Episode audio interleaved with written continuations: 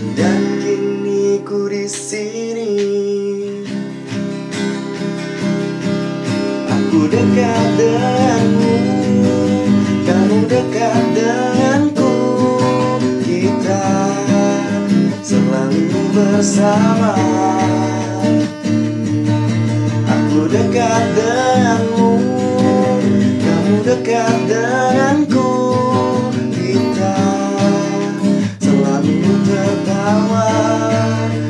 Seperti sedia kala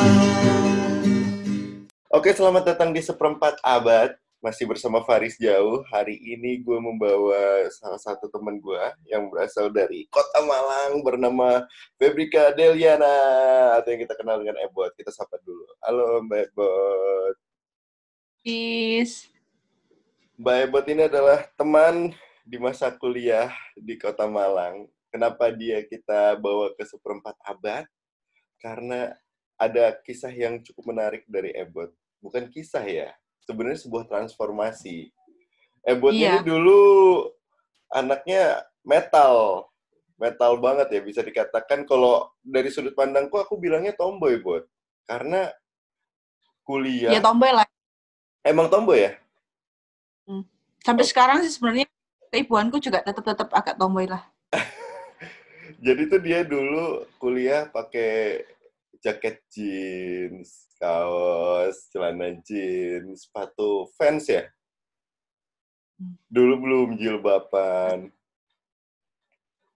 Aku nggak suka pakai yang lainnya. Oke, nanti nanti kita kasih alasan dulu.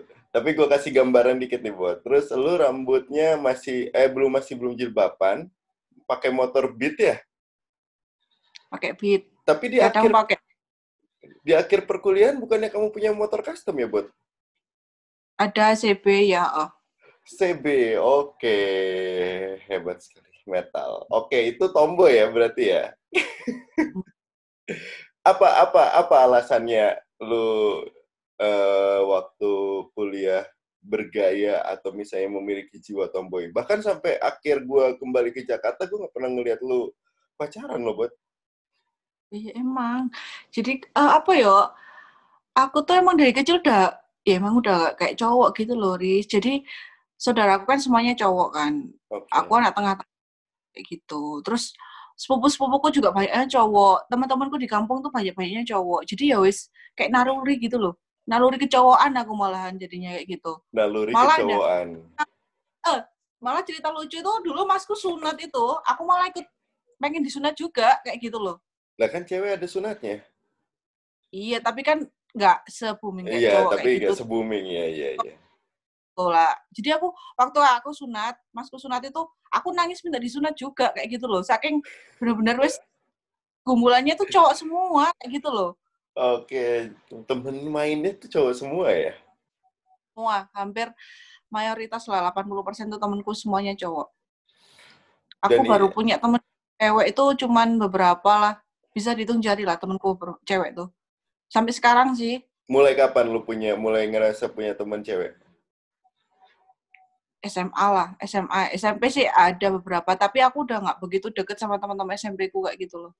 SMP, aku kan SMP udah mulai kos kan. Hmm. Nah itu, aku SMP kos, SMA, terus kuliah juga kos. Hmm. Sekarang udah punya kosan sendiri, nggak ngekos lagi. Sekarang kamu punya kosan sendiri ya, kayak Tatan dong. Alhamdulillah ya. Alhamdulillah. Dan itu dari lu SMP akhirnya ke bawah sampai eh, kuliah. Gue pakai gua lu ya, buat ya. Tapi aku pakai aku kamu nggak apa-apa ya. Ya nggak apa-apa. Eh, dan itu ke bawah sampai eh, kamu kuliah. Terus pertanyaan gue gimana sih rasanya jadi tomboy? Kalau dari lu Apa ya? sendiri? Aku nih nyoba jadi diriku sendiri gitu loh, Riz. Nah, karena kamu Ya merasa ini ebot kayak gitu loh. Oke, ini oke, ebot oke. eh, aku orangnya tuh paling males kalau disuruh dandan kayak gitu loh. Sampai sekarang pun aku cuma keluar aja sekarang pakai bedak pakai lipstick kalau sekarang. Kalau dulu mah baru-baru pakai lis- lipstick, Chris. Terus cuma Iya sih, pakai- pernah. aja kan ya kamu tahu dulu lah aku kayak gimana. Kaos pakai jeans keluar gitu. Ya emang kayak gitu. Aku suka yang simple-simple kayak gitu loh. males lihat yang ribet-ribet. Ya wes, Iya, makanya kan aku sampai aku tuh dulu ya wes eh pikiranku aku nggak mau punya anak cewek. Eh alhamdulillah kok ya dua-duanya anakku cowok kayak gitu loh. Oh. Soalnya aku- Aku udah males ribetnya, belum nguncir rambutnya. Kalau cewek kan kayak gitu toh. Nah kalau cewek kan udah pakai karena pakai sepatu udah selesai beres kayak gitu. Iya, iya, iya, iya, iya. Terus apa namanya? Karena tomboy ini adalah hal yang terjadi di lu secara tidak sadar ya. Maksudnya karena dari lingkungannya Ebot sehingga kebentuklah sebenarnya ini apa ya? Aku cuma jadi diri sendiri ya, Bot ya. Dan aku nggak merasa diriku sebenarnya tomboy. Iya, aku nggak Iya. sem- aku nggak merasa itu tuh ya ini aku kayak gini nih kayak aku ini eh kesukaanku ya kayak gini nih wes kayak gitu loh. Pernah nggak risih? Kalau pernah nggak risih di suatu lingkungan atau dari sudut pandang orang, lu menjadi diri lu sendiri kayak gitu? Maksudnya lu bergaya sama itu? Atau ada orang yang omongin, atau misalnya orang tua lu, lu pakai itu dong gitu? Nggak? Kalau mamaku tuh waktu kecil pastinya pastinya anak cewek itu kan namanya ibu kan pastinya maunya yang lucu-lucu. Pas aku kalau SD dulu sekolah rambutku kunci dua kayak masih tapi ya tetap aja aku sama main sepak bola, main layangan ya kayak gitu. Tapi tetap aja, Mian. Tapi tetap aja sama mamaku dibeliin rok kayak gitu. Cuman ya wis nggak mau, pasti berontak. Aku nggak mau pakai ini, nggak mau pakai itu. Kalau ada rok itu pasti aku nggak mau pakai wis dari kecil dulu itu. Kecuali Nggak sekolah, mau. Iya, kecuali rok sekolah itu. rok rempel. Sampai aduh kamu tuh ini udah dibeliin kayak gini, kayak gini gitu. Ya males kayak gitu loh. Terus mau nggak mau, mau gitu. Mama kan suka beliin aku yang pink. Nah, Pink. namanya aja pink. Aku nggak suka wis. Oke, oke, oke. Malah sesuatu yang dekat dengan kewanitaan pada saat itu lah ya. Atau yang kecewe-cewean, lu sangat nggak suka ya? Mm-mm, soalnya kan aku lihat masku pakai gini, jadi aku ikut-ikut masku kayak gitu. Masku Oke, pakai oke. celana, pakai kaos kayak gitu. Berapa bersaudara, mau. Tiga. Aku, masku udah kedua, aku kedua sama adikku. Adikku udah lulus, udah lulus lah, Cowok juga. kok juga. Atas bawah cowok dan tambah lu. Mm-mm. Jadi ya wis, mm-mm, ma- mamaku apa apa pun yang dipakai masku tuh dulu aku pasti minta mainan, dibeliin boneka itu aku nggak suka main boneka. Jadi masku dibeliin Tamiya itu dulu zamannya kecil Tamiya. Aku maunya Tamiya juga, nggak mau dibeliin boneka, harus kembar sama masku kayak gitu loh. menarik, menarik, menarik. Terus eh, maksudku itu kan kalau dari orang tua pasti selalu berusaha ya. Tapi kan maksudnya alhamdulillah Ebot udah ke, jadi keibuan sekarang. Jadi maksudku Karena- ada, ada kekhawatiran orang tua yang sudah mulai melegakan lah ya. Mm-mm. Nah maksudku kalau dari lingkungan pertemanan atau orang yang nggak kenal nggak pernah ya. Tapi emang Ya kamu dari dulu apa ya kelihatannya tuh kan humble banget, terus hangat banget. Sebenarnya gini, ada kalau ngelihat Ebot tuh, Ebot emang kelihatannya tomboy, lanang banget lah istilahnya, kayak maco banget. Tapi kalau misalnya lu kenal sama deket sama Ebot, ya Ebot tuh humble malah lebih keibuan daripada ibu-ibu atau wanita yang ada di situ, di sekitarnya. Ya, Bot ya? Lebih mengayomi teman-temannya dibandingin teman-temannya yang cewek kalau aku rasa pada saat itu. Putus, putus, putus, putus. Ya, putus-putus. Terus habis itu bagaimana eh, eh sebentar, ada satu pertanyaan. Apa yang lu bisa dan cewek lain nggak bisa? Menurut lu, selama lu bergaya, selama lu menjadi tomboy gini. eh apa ya? Aku dulu tuh eh, kayak misalnya otomotif kayak gitu, kadang tuh aku lebih ngerti daripada masku itu. Karena kumpulanku tuh teman-temanku di bengkel. Nah, gitu. Oke. Terus bener antena naik-naik sendiri waktu itu di rumah sendiri kan. Angkat galon bener gas. Hampir semuanya ah ya enggak semuanya lah. Tapi rata-rata yang dikerjain sama cowok itu aku bisa kayak gitu loh. Kan biasanya cewek tuh nggak bisa benerin gas kayak gitu takut. Ya. Terus angkat galon biasanya berat kayak gitu ya. Yang simpel-simpel maksudnya yang kecil-kecil kayak gitu. Iya, iya. Angkat galon. Sampai sekarang, buat. Sampai sekarang. Aku berhenti yang ngangkat-angkat tuh waktu hamil aja. Oh iyalah. Berarti aku harus ngirim istriku ke tempatmu. Untuk di training. Wah, nggak angkat galon, ta.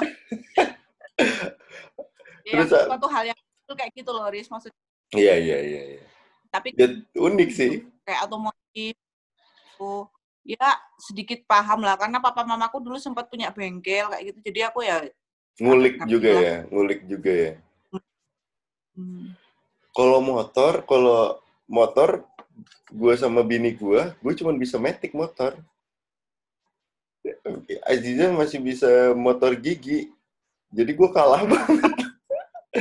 Aku kamu cuma bisa, gak bisa. Aku cuma bisa kendaraan manual itu cuman mobil. mobilmu metik juga Enggak, manual. Kalau motor kalah ya, aku nggak bisa. Makanya ngeliat Ebot tuh di tahun terakhir bawa motor CB, jiwa lanangku teriris. ya lah aku tuh sempet kok sama aku Kenapa? kamu tuh ngapain sih tuh kan emang apa namanya di rumah kan emang suka motor-motor klasik kayak gitu motor-motor lama itu ada di rumah ada 70 ada CB Koleksi, ada ya. Vespa kayak gitu loh karena aku suka aja kayak gitu loh Hmm, nggak ngerti ya apa yang kayak klasik-klasik kayak gitu tuh suka aku iya iya iya. mobil-mobil iya. klasik mah kayak gitu tuh suka aku Mantap mantap. terus mantap. mama marah-marah ngapain sih ada motor yang lainnya ini ini gak apa-apa gak apa-apa mau buat jalan-jalan nih kok aku gitu aja ya wis pasti mamaku tuh ngoceh lihat aku kalau yang terlalu Lanang. bener-bener yang menunjuk eh, kecowokan gitu tuh mamaku kayak mamaku soalnya dulu tuh takutnya aku nggak punya jodoh Riz kalau terlalu cowok-cowok kebangetan gitu itu Nah, itu dia. Bagaimana bagaimana Ebot menemukan sang pasangan hati? Karena sebenarnya selama kuliah, aku nggak pernah lihat Ebot pacaran kan? iya Kap- emang aku perka- pacaran kuliah tuh 2013 habis 2000. itu aku eh, merana setelah itu aku jomblo bertahun-tahun kayak gitu loh serius-serius aku merana empat tahun lah aku jomblo kayak oke jadi hidupku waktu itu terisi dengan eh, sesuatu hal yang yowes gitulah Tapi sesuatu hal yang menurut aku sih eh, tapi nggak kelihatan ngenes Apa? sih, Bot, waktu pas lu jomblo. Lu kayak kelihatan having fun aja. iyalah ya bisa aja lah aku nggak menunjukkan masa harus tapi kan eh, suatu waktu kan pengen lah diperhatiin kayak gitu loh Waduh. Riz Riz oh Terus bagaimana ketemu sama sang suami? Ceritanya. suamiku yang sekarang Ya iya suamiku dong. yang Ada suami Oh, yang nanti. aku ketemu sama suamiku tuh eh, nggak sengaja sih Riz itu tuh eh, kerja kan sempat kerja di Bali Oke. Nah, yaitu aku ketemunya dia di tempat kerja. Jadi kan di Bali kan nggak ada kendaraan kan waktu itu. Jadi Hmm. aku tuh kerja di suatu resto di Bali kayak gitu. Terus dia bagian baristanya, aku bagian admin kayak gitu. Aku ngadmin di situ. Kosnya dia sama kosku tuh deket. Jadi kalau berangkat itu daripada aku gojek kan eh, Mahal. Menghemat lah. Menghemat, Eh, menghemat. dia kan asli Bali. Hmm, dia kan asli Ba- Bali. Terus ya wes aku nebeng kalau nggak gitu minta anterin dia kayak itu.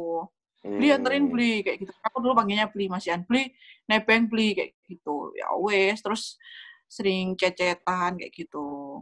Hmm. Ter- tapi waktu itu deket itu aku sebulanan lah kayak gitu karena aku di Bali nggak nggak lama juga kan kayak gitu soalnya aku nggak begitu nyaman dengan apa namanya Nuansa kerjaanku di sana Oh, gitu. kerjaanmu di sana. Terus? Uh,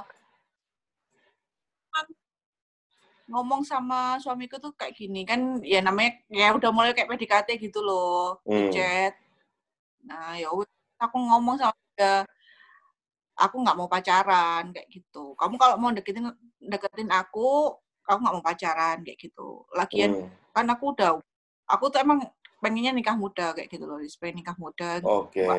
yang sampai nunggu terus aku udah jomblo lama kan itu Di umur Empat berapa tahunan, buat empat nikah? itu aku udah jomblo 4 tahunan terus aku ngomong sama dia aku umur dua aku 2017 tuh umur berapa ya 93 2007 umur berapa Risya kamu 93 juga kan Iya, 24 ya? 93. 24 25 Iya, 24, 24.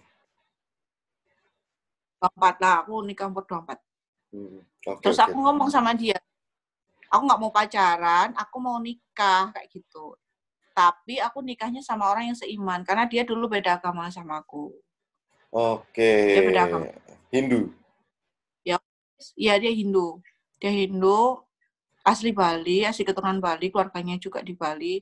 Terus aku ngomong kalau emang seri, kalau emang nggak serius ya kita temenan aja kayak gitu kan karena nggak mau ngasih harapan kayak gitu loh, Ri. Iya, Kalau iya, beda iya. agama tuh masalah agama kan. Drama. So, Iya, aku ngomong iya. sama dia kalau kamu Eh, eh, eh, kalau kamu mau serius sama aku, ya gak apa-apa. Tapi aku nggak bisa nikah sama orang yang agamanya lain sama aku. Dia harus seiman sama aku. Itu syarat utamanya kayak gitu. Ternyata Betul. dia ternyata dia benar-benar eh, menunjukkan keseriusannya itu sama aku.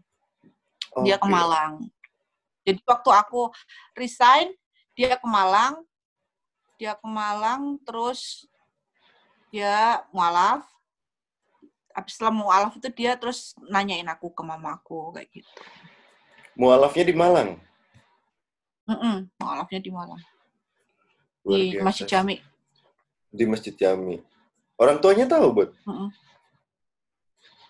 Mamanya Islam. Oh, Mamanya mamanya Islam. Islam. Mamanya Islam, orang Bogor.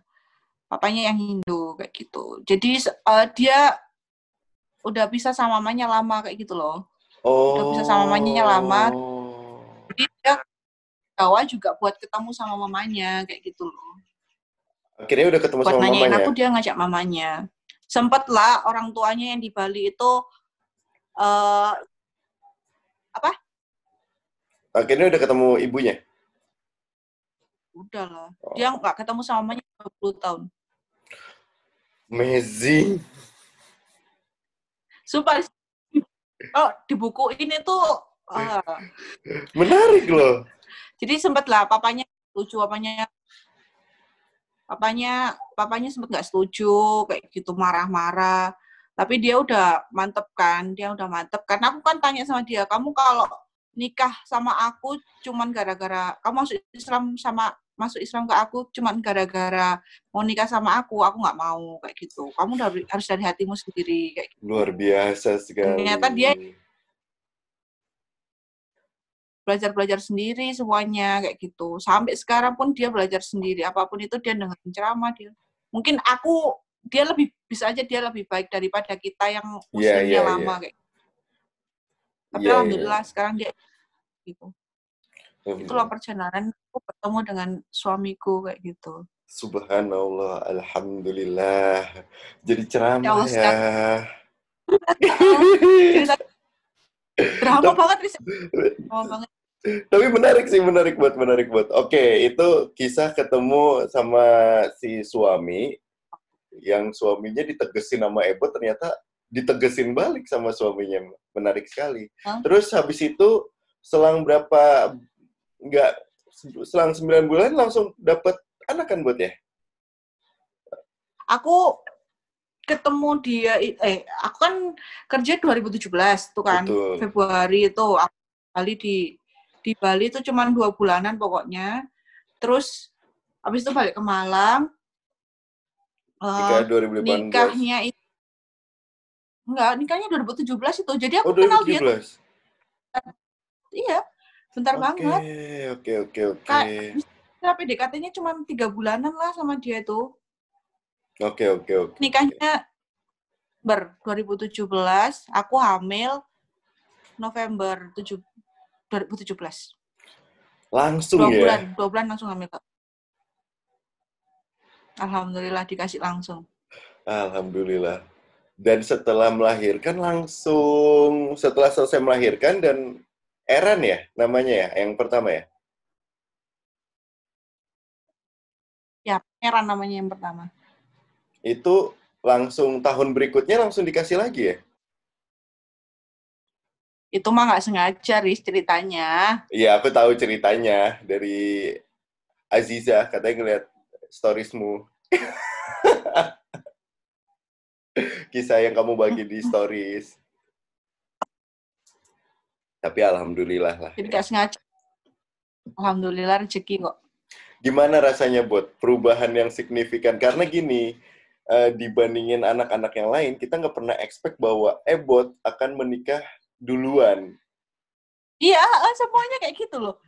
Iya, semuanya teman-teman juga. Makanya aku juga kaget. Loh, Ebot nikah gitu. Sama siapa? Gitu kan. Semuanya, Riz. Semuanya tuh kayak gini. Ah, kon rabi ya? Gitu.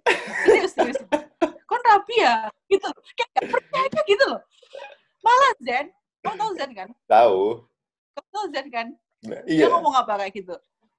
Dia ngomong gini sama aku. Bojomu homo ah. Gitu. Astaga. Oh, Pak Riz, aku, jadi teman-teman itu semuanya kayak, serius? Gitu. Kayak gitu loh. Itu ngomong sebelum lu, sebelum lu nikah apa pas di pelaminan? Iya, jadi dia telepon aku kan dia sempat di Jakarta Zen itu. Dia video call aku. Oh Gitu. iya iya Zen di Jakarta.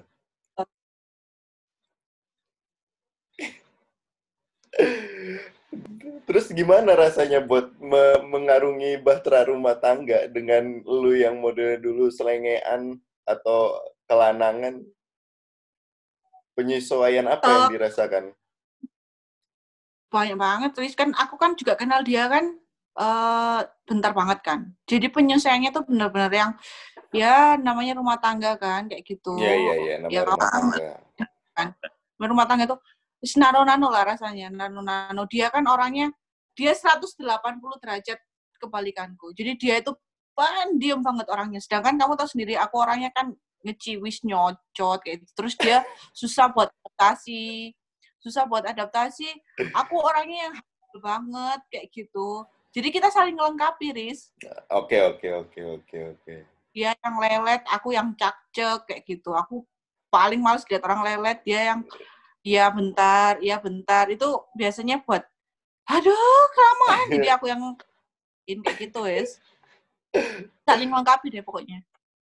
Berarti kalau lu ngebacot gitu ya, tiba-tiba Udah ngerocos, dia cuma diem aja Iya. ikhlas gitu.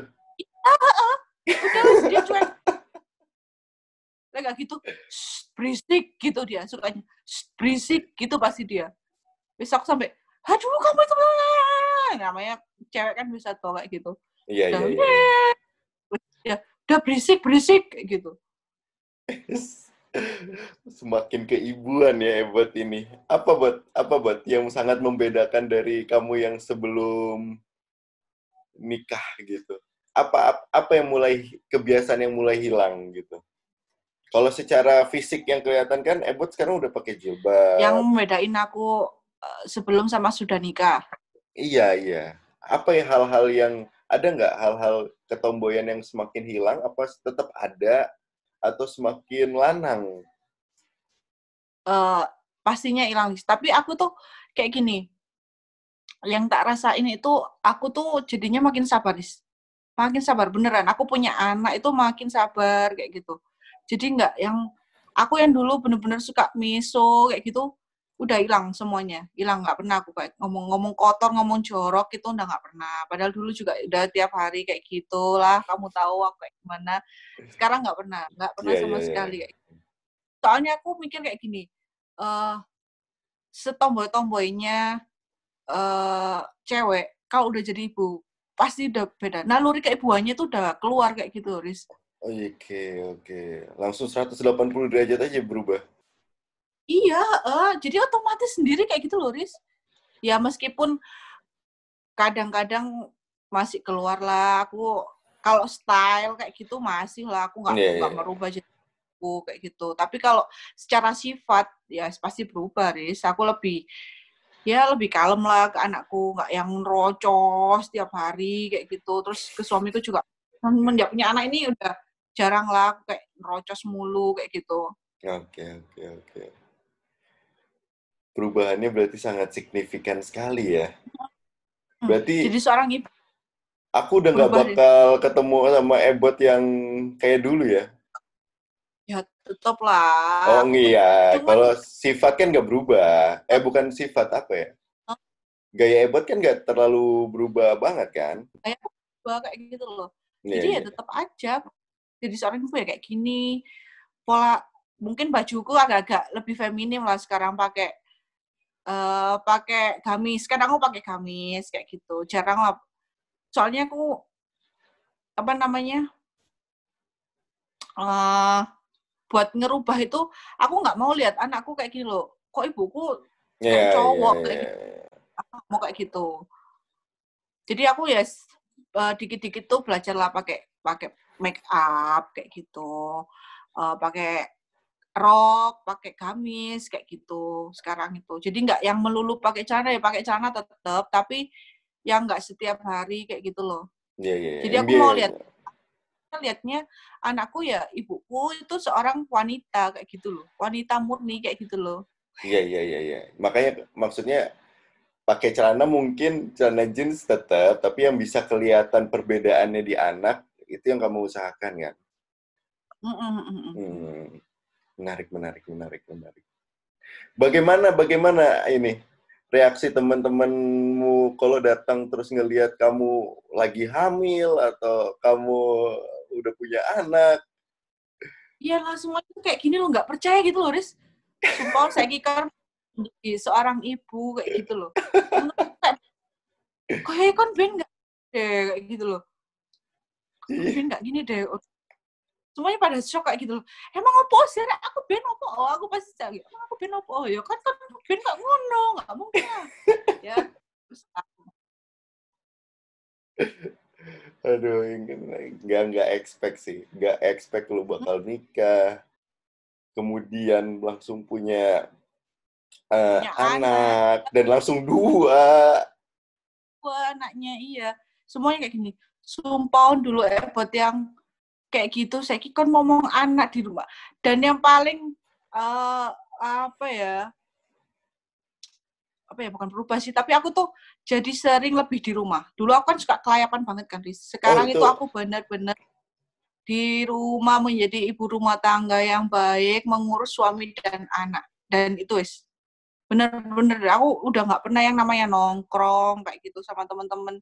Jadi dan teman-temanku sendiri jadinya segan sama aku sekarang itu kayak sungkan gitu Iya iya iya, tahu kalau mau ngajak lu Gitu. tapi eh, apa namanya pasti lu ada anak, lu ada suami juga gitu Ya. kan? Padahal suamiku juga fine-fine aja. Sekarang suamiku tahu aku kayak gimana dulu. Aku kan udah ngomong dari awal temanku banyak cowok kayak gitu kan.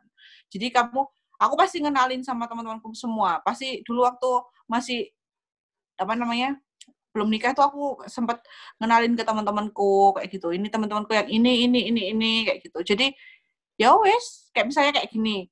Suamiku, aku mau telepon sama kak kelasku yang dulu kayak gitu Hmm. cowok ah iya oh ya wes aku pernah ketemu nggak dia pasti tanya aku pernah ketemu nggak nggak pernah kayak gitu oh ya ya Oh. wes jadi teman-temanku segan-segan sendiri gitu loh sekarang sama aku padahal ya lapo sih rek kon dulu nang omah ya nggak popo kayak gitu loh Nah. soalnya suamiku welcome kayak gitu loh Iya iya biasa iya. aja kayak gitu loh aku tuh tetap effort kamu mau cur- mau curhat itu nggak masalah kayak gitu. Iya iya iya. iya. Gue pernah dalam cuman situasi ya seperti mereka itu buat segan sendiri sekarang sama aku gue pernah di situasi kayak gitu buat waktu pas eh, mau-mau nikah, udah lamaran, terus tiba-tiba gue sudah tidak mulai diajak nongkrong lagi.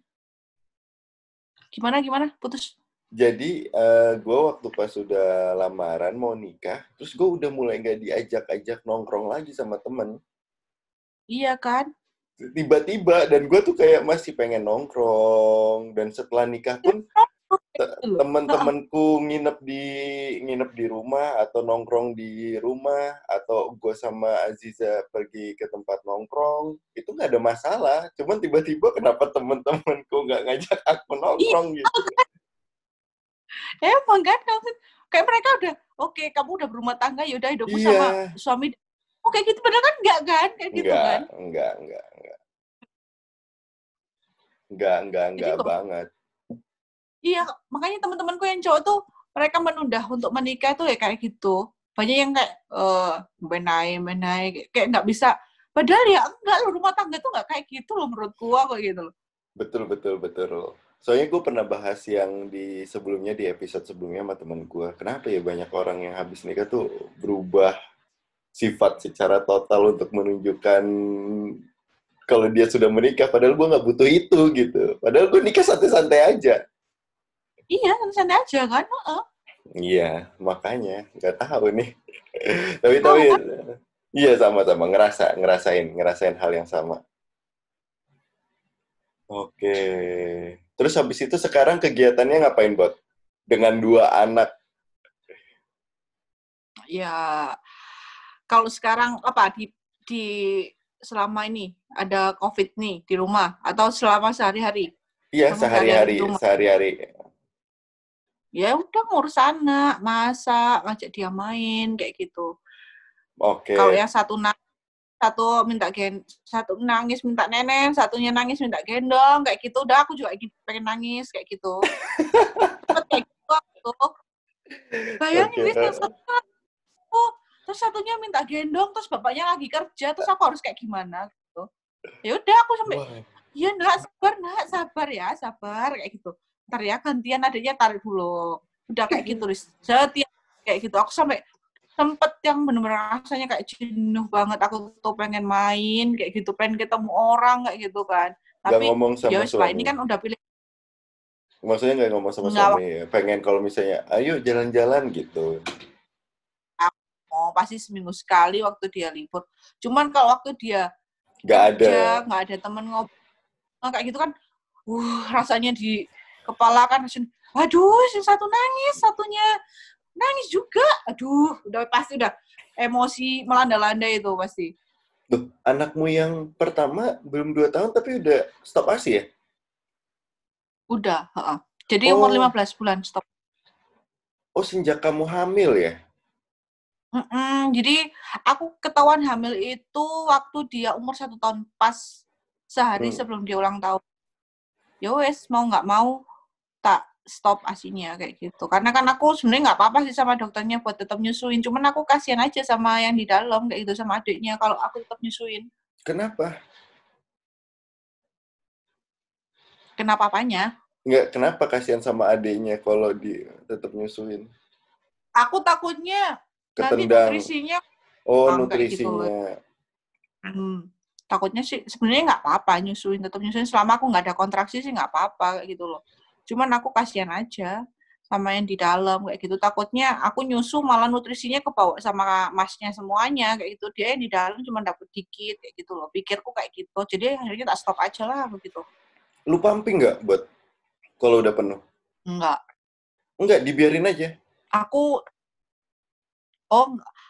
aku nggak yang yang pertama yang hamil anak pertama waktu hamil Eran aku sempat pumping lah. Karena penuh ya, anak pertama kan payudara masih benar-benar yang Ya mengembang. banget kayak Hmm. eh, yang anak kedua ini nggak pumping sama sekali aku Oh, bukan. Maksudku Karena- waktu pas kamu lagi hamil tapi masih bisa menyusui. Oh, enggak enggak Enggak ya? enggak aku pumping soalnya langsung mampet sendiri Riz otomatis kayak gitu loh Oh. Oke, oke. Nggak se- oke. waktu aku awal-awal gitu kayak gitu kan udah hampir setahun udah satu tahun kan jadinya nggak sempet pumping aku udah ya wes sudah mampet-mampet sendiri akhirnya Mantap, mantap, mantap. Terus yang ketiga kapan yang ketiga? ya, nggak- aku udah aku udah sampai kayak gitu sama suamiku udah yo ya udah udah aku nggak mau lagi kamu nggak ngerasain jadi di rumah kayak aku nggak ngerasain hamil nggak ngerasain ini iya iya iya iya kayak gitu Loh. Iya, iya, iya. Itu kan yang kedua kan terjadi secara tanpa sepengetahuan kita kan. Tapi dia tuh pengennya punya anak empat, Riz. Bayangin aja. Langsung Tapi, gitu. tapi tapi Ya, kayaknya kan? trennya emang gitu deh di generasi milenial. Masa sih? Iya. Enggak maksud gua ngelihat generasi-generasi kayaknya udah enggak udah bukan dua anak cukup deh. Kayaknya orang-orang sekarang modelnya punya tiga atau empat gitu.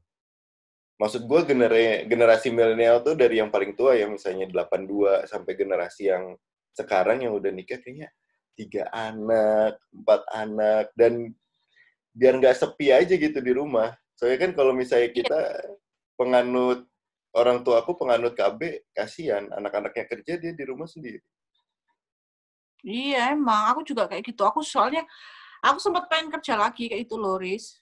Aku Iya, sempat iya, iya. punya lagi kayak gitu. Jadi aku enggak lah dua aja, kok kayak gitu udah cukup. Soalnya suamiku pengen punya anak cewek, aku enggak lah, kok gitu. Mau aku nggak punya anak cewek, aku gitu udah. Tapi jangan di enggak dulu, di ditahan Iya, dulu. Aku mau benerin KB, aku mau konsul KB yang bener-bener pas buat aku. Udah mau yang laki-laki ini, aku udah trauma aku rasanya kayak gitu. Tapi itu sorry buat terakhir kan apa spiral ya? Viral. IUD. Bukannya itu deh yang paling mantep ya? Iya, Secara porsi KB. 99% tuh ketepatannya paling bagus pakai IUD Iya, tuh. iya, iya, iya. Gue dijelasin sama dokter kandungan sih waktu mau pasang gitu. Mm-mm. Terus dia tuh nggak ngaruh sama hormonnya ibunya kayak gitu Oke. loh. Aku dari gadis sampai ini aku punya anak itu naikku 20 kilo, Riz. Jadi aku tuh sih bener-bener shock. Aduh, aku gendut banget. Jadi sempat nggak pede kayak gitu loh, Riz. Gendut banget, tahu kayak gitu nggak mau. Aku pengen nurunin, aku pengen nurunin badan, aku pengen nurunin badan kayak gitu.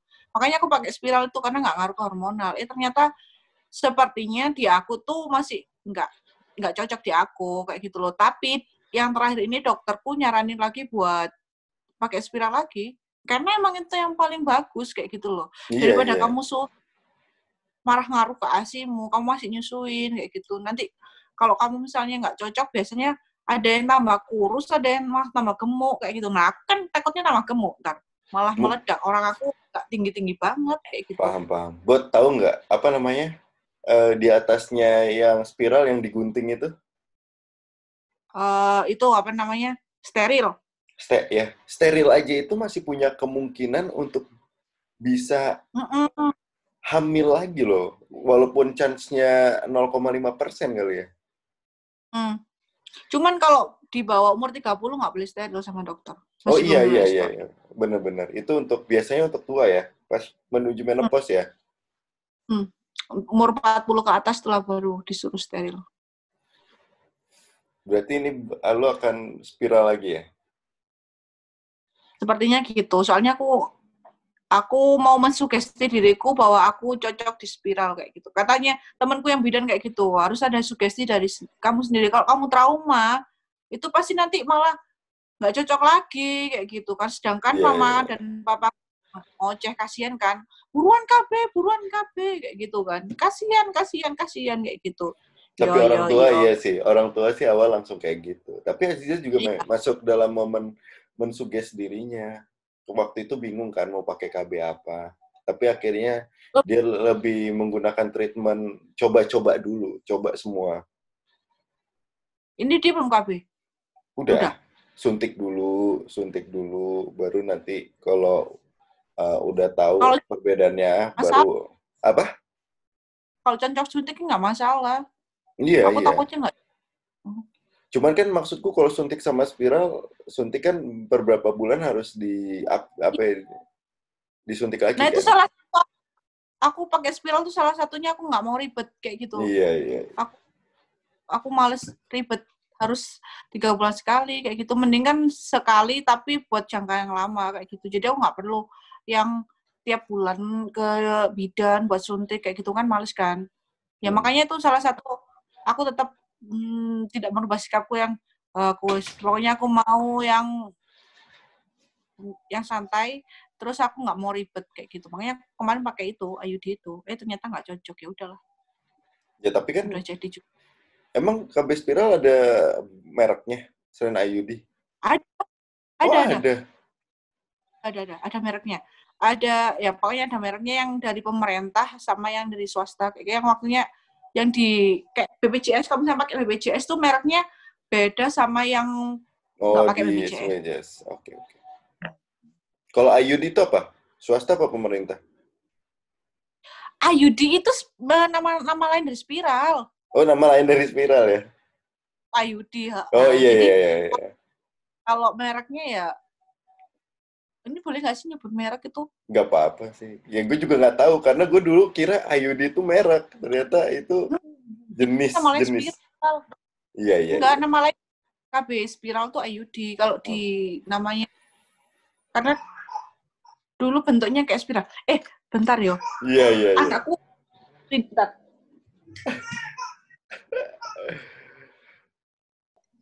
Oke, tadi oh, anaknya Ebot bangun, bukan anaknya Ebot ya. Anak kakaknya Namanya- Ebot bangun. Karena Ebot sekarang lagi di Nongko Jajar ya. Apa, Bot? Iya, Udah lah. PSBB.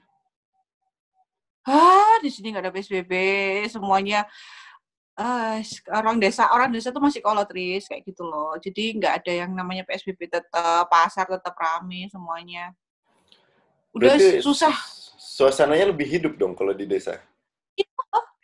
pasar tetap rame semuanya lah orang papak juga masih tetap buka tokonya Oh, enggak. Soalnya kemarin teman-teman yang di Malang nelpon katanya sepi banget. Kayak kita zaman Iya. lebaran sama puasa. sepi banget di Malang itu pol sepinya pol Kayaknya sepinya udah lama ya, semenjak anak-anak gak kuliah kayaknya.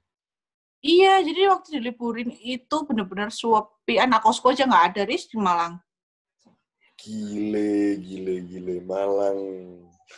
Kota mati. Iya, orangnya- Baca biasanya rame tuh loh. Ya bener kayak Iya, kota iya. Sigura-gura. Ya. Suhat, itu kayak kota mati ya sekarang. Soalnya gue pernah, eh, apa, waktu itu nggak pulang ke Bandung atau ke Jakarta, harus pulang ke Mojokerto. Buat, Hmm. Ya, Ke terus rumah siapa? ke rumah mbahku. Hmm. Nah, habis itu kan mau nggak mau disuruh nunggu di Malang kan. Nanti jadi orang tua aku yang nyamperin ke Malang. Itu udah Darka. Kamu Enggak, waktu Jalan-jalan? kuliah, waktu kuliah, waktu kuliah. Terus rasanya Terus? tuh, rasanya nggak enak banget, kosong. Ya tempat-tempat sih Iya. buka, tapi lu nggak mau mau sama siapa, mau nongkrong sendirian. Nggak ada temen, Heeh. temen-temennya pada pulang ke Jakarta. akhirnya kamu ke Mojokerto. Iya nunggu, iya lagi pulang ke Mojokerto. Di tahun itu biasanya selang-seling. Nah, terus teman-teman yang di Malang juga udah pada pulang ke kampung halamannya lah, nggak tahu di Kediri, di Tulung Agung, di mana. Wah, kosong buat sepi. Aduh, aduh, aduh. Oke, Bot. Jadi, coba tolong dikasih pesan kepada teman-teman wanita sebaya yang belum menikah. Apain? Pesan mau pesan apa? Pesan mau apa? Ya kasih pesan aja kan bagi wanita di luar sana di seusia kita yang masih belum mau menikah dan masih ribet, masih drama, kebanyakan drama. Eh, apa ya? Aku tuh sempet temenku sempet ada yang tanya kayak gitu. Eh, habis nikah kan kayak gitu. Terus dia ngomong sama aku, Mbak, aku bisa nggak ya jadi ibu kayak gitu kan? Terus aku coba ngomong kayak gini loh sama dia, nggak usah takut kayak gitu loh, nggak usah takut. Kamu kenapa takut? Kamu takut nggak bisa ngurusin anakmu kayak gitu? Kamu takut gini kamu? Nalur, ibu itu naluri kayak gitu loh. Naluri cewek itu pasti kayak gitu, pasti jadi ibu. Jadi nggak usah takut kayak ngapain ya ternyata waktu dia eh terus hamil kan dia tuh hamil habis itu dia langsung ngebuat story kan nge-mention nge-mention aku ngomong kayak gini aku pokoknya inget kata-katanya Mbak Ebot kayak gitu nggak Iya, usah iya. takut ibu karena cewek itu naluri kayak gitu loh jadi kalau kamu mau nikah terus aku aja sempat aku punya temen yang lebih tomboy daripada aku Riz bener-bener dia lebih tahu kayak potongannya semuanya. Eh sekarang itu kamu tahu boy nggak sih anak fisip Boy, yang eh, eh, anak basket anak basketnya UB yang rambutnya pendek kayak cowok oh iya iya iya, kayak kebayang deh, kebayang deh. Iya. Kayak tahu tahu Ya, tahu. itu. tahu. Nah, dia itu kan Kak Boy itu lebih cowok daripada aku kayak gitu loh. Bayangin terus dia tuh nikah dan sekarang tuh udah punya anak kayak gitu loh. Padahal aku sampai gini, "Hah? Kak Boy nikah?" Sama kayak kayak temen-temenku waktu lihat aku nikah kayak gitu loh. Aku juga lihat dia, "Hah? Kak Boy nikah?" Sumpah beneran kayak gitu loh. Buktinya juga dia tuh bisa kayak gitu loh. Oh Terus iya, aku sampai ngomong, bisa. Mm-mm, dia nggak usah takut kayak gitu loh. Kamu tuh cewek pasti setelah itu lo naruri bakal keluar sendiri. Aku aja yang pertamanya kayak mamaku nggak percaya, masku, kakakku tuh sampai nggak percaya loh kalau aku tuh bisa jadi ibu kayak gitu loh. Ternyata Transformasinya sangat Ah, drastis dia ngomong- ya. Mm, masku sendiri ternyata adik telaten ya mang ngurusi anaknya itu kayak gitu loh sampai Wah. masku. Ya beneran jadi ibu itu naluri wis lah, naluri dari semua cewek kayak gitu loh. Jadi nggak usah, usah takut ya. Hmm, nggak usah takut, ngapain takut kayak gitu. Semuanya tuh mengikuti ari, arus kayak gitu loh. Ya wes, dilakoni aja kayak gitu loh. Kalau kata temenku, dilakoni kok nemu rumusnya dewe kayak gitu loh. Wih. Ternyata ya bener-bener ada rumusnya sendiri, tapi pasti keluar sendiri rumusnya itu kalau dijalanin, nggak usah takut kayak gitu loh. Betul betul betul betul. Ngapain? Sekarang siapa yang udah mulai nyusul eh buat nikah buat? Udah Hmm. banyak apa belum? Dan kalau teman-temanku yang biasanya nongkrong sama aku yang itu rata-rata Mm-mm. Eh, yang dekat sama aku ya, yang biasanya ngumpul di kampus itu rata-rata sih cuman tinggal berapa orang ya? Dua atau tiga yang belum nikah. Oh, berarti Yang semuanya lain. sekarang sudah berkeluarga ya? Oh, yang cewek-cewek. Yang cewek-cewek.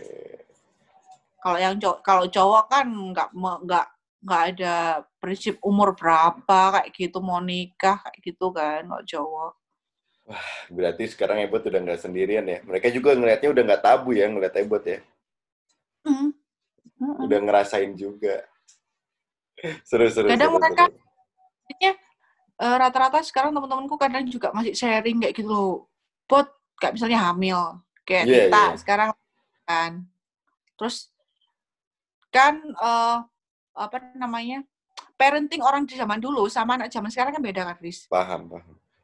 Nah, itu pasti mereka kadang sharing gini. Eh, Mbak, like gini oleh gak sih kayak gitu?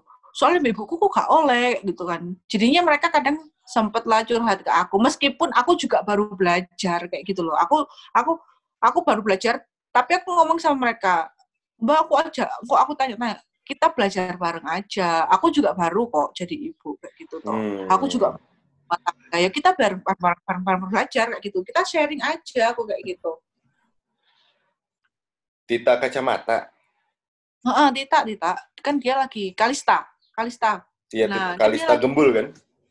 Mm-mm, jadi dia ngomong sama aku, Mbak, kok aku gini ya? Soalnya kan beda, ibuku kayak gini, kayak gitu kan. Sekarang parentingnya kan udah beda. Orang zaman dulu gendong M-shape sama kalau M-shape kan kalau zaman kita kan itu gendongan paling bagus toh, Iya. karena sama sama anak dalam di dalam kandungan. Sedangkan orang zaman dulu kan ngomongnya dipekeh kayak gitu loh. Iya, iya. Nah, kayak gitu. Yang itu yang paling simpel. Terus orang zaman dulu harus ma- didu- disuapin pisang, anak baru lahir disuapin pisang kayak gitu kan. Sekarang kan nggak boleh full A- ya eh, harus full ASI kayak gitu. Kalau kata bini gue makanan empat bintang ya. Apa aja? Empat menu bintang, ya. Menu empat bintang. Sama- Anti pisang-pisang klub. Iya.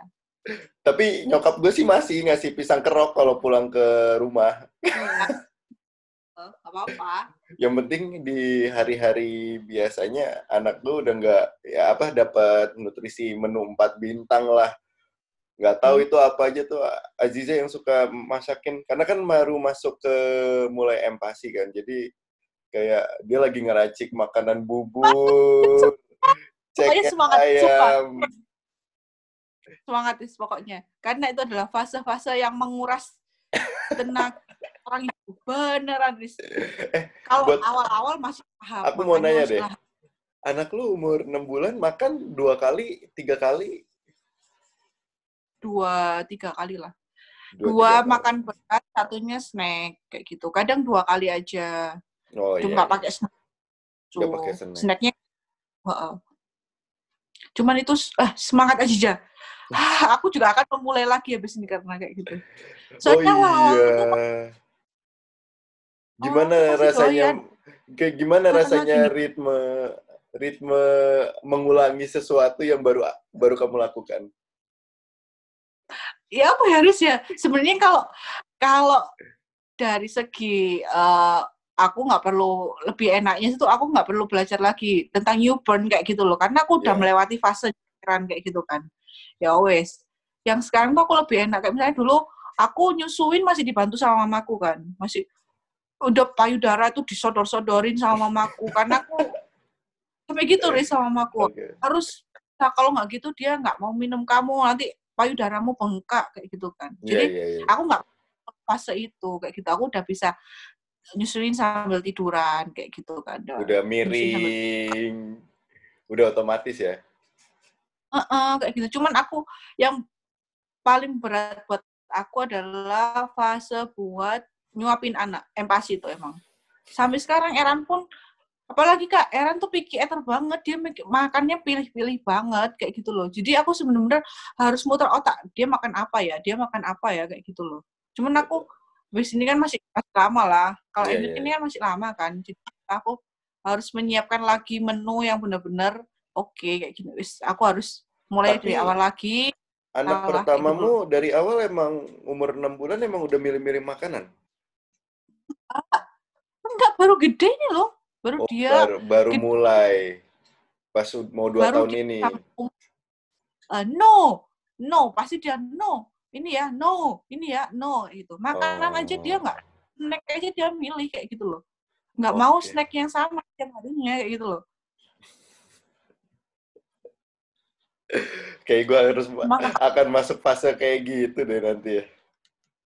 semangat banget pokoknya awal tuh pasti gini anaknya Set, nanti udah tengah-tengah gini udah Soalnya gue lagi seneng-seneng banget ngelihat anak gue makan ya. Tapi nggak seneng ngelihat bikin makanannya nggak.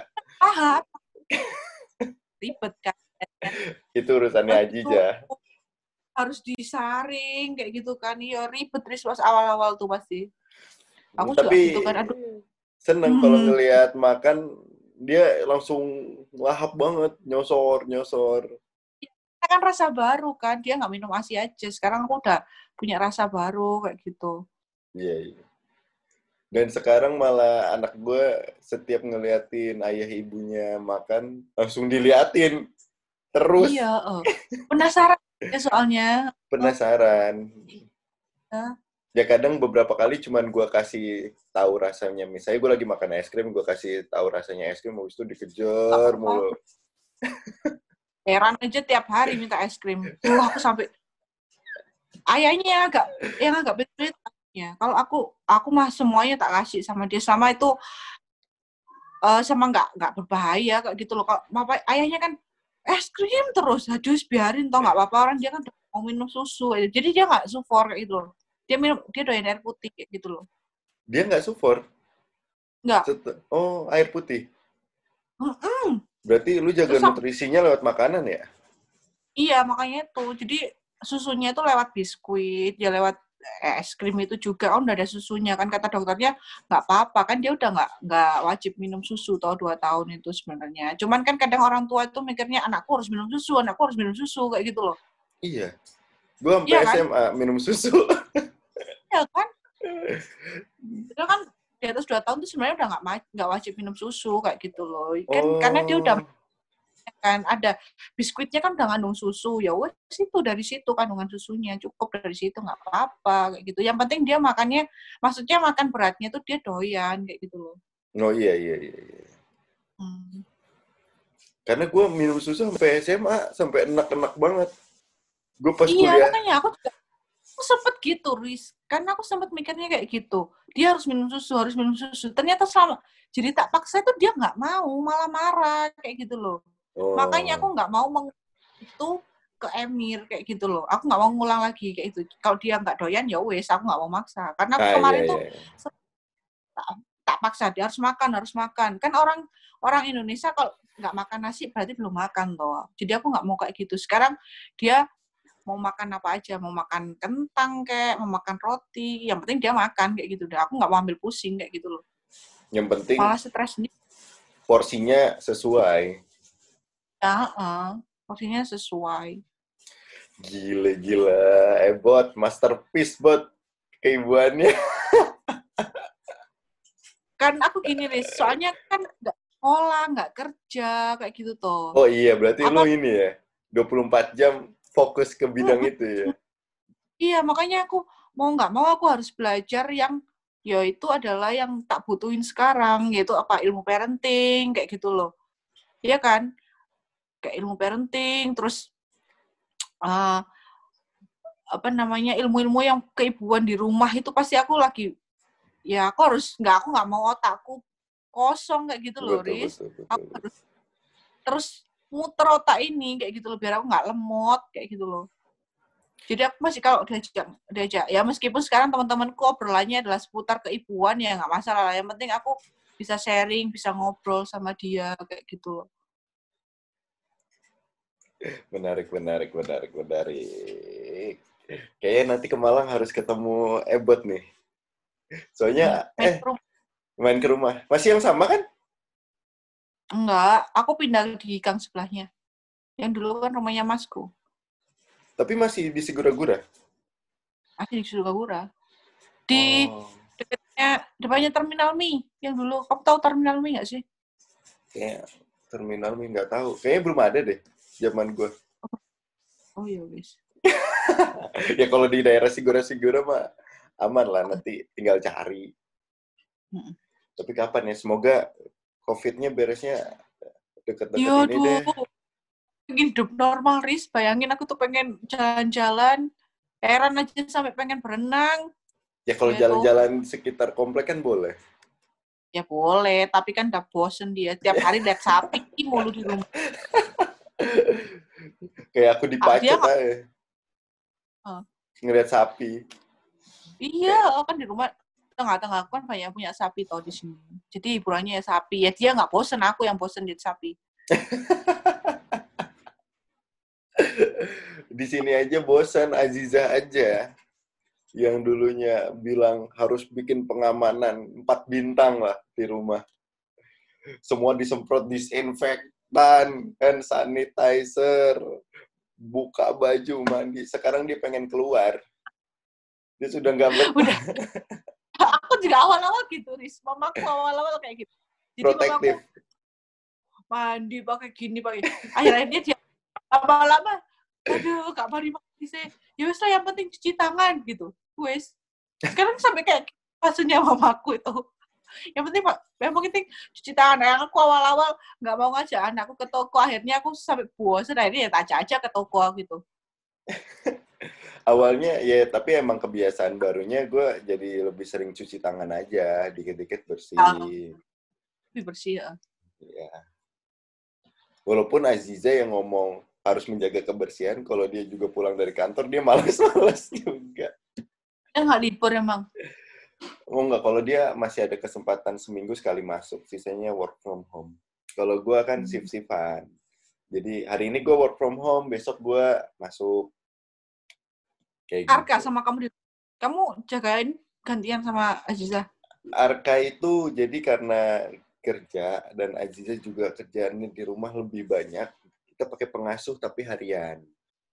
Jadi Hmm. pulang pergi. hati-hati Loris cari yang benar-benar Kebetulan benar-benar karena kenalannya udah satu tahun sebelum Arka muncul. Begitu. soalnya dia uh, babysitter tuh mengerikan Iya banyak sih teman-teman gue juga yang bilang kayak gitu. Tapi kalau gue asas kepercayaannya. betul betul Oke, Bot. Kalau gitu, terima kasih waktunya ngobrol di seperempat abad. Ini pertama kali ya. aku aja shock ngomong apa sih Farid gitu Tapi ini kan ada satu fenomena dan kisah yang orang yang nggak banyak tahu. Dan kalau gue rasa sih juga nggak banyak yang bahas. Tapi kan semuanya bisa disampaikan secara komplit sama Ebot. Ya, mudah-mudahan ada ilmunya, mudah-mudahan bisa diambil kayak gitu loh. Kan itu kan cuman perjalanan kehidupanku sehari-hari aja kayak gitu loh. Ya memang Mudah-mudahan yang diulik sih gitu. Eh, mudah-mudahan ada manfaatnya dan bisa diambil kayak gitu loh dari obrolan kita kayak gitu. Amin. Iya kan? Betul, betul, betul, betul. Sekali lagi terima kasih buat Mbak Ebot waktunya. Terima kasih juga buat teman-teman seperempat abad yang udah nonton episode ini. Dari Faris Jauh dan juga Febrika Deliana. Eh, nanti tunggu tayangnya di YouTube dan juga di podcast yang bisa kalian cek di Spotify. Thank you yang buat udah nonton. See you di next video. Bye-bye. Dan kini ku di sini. Aku dekat denganmu Kamu dekat denganku. Kita selalu bersama. Aku dekat denganmu Kamu dekat denganku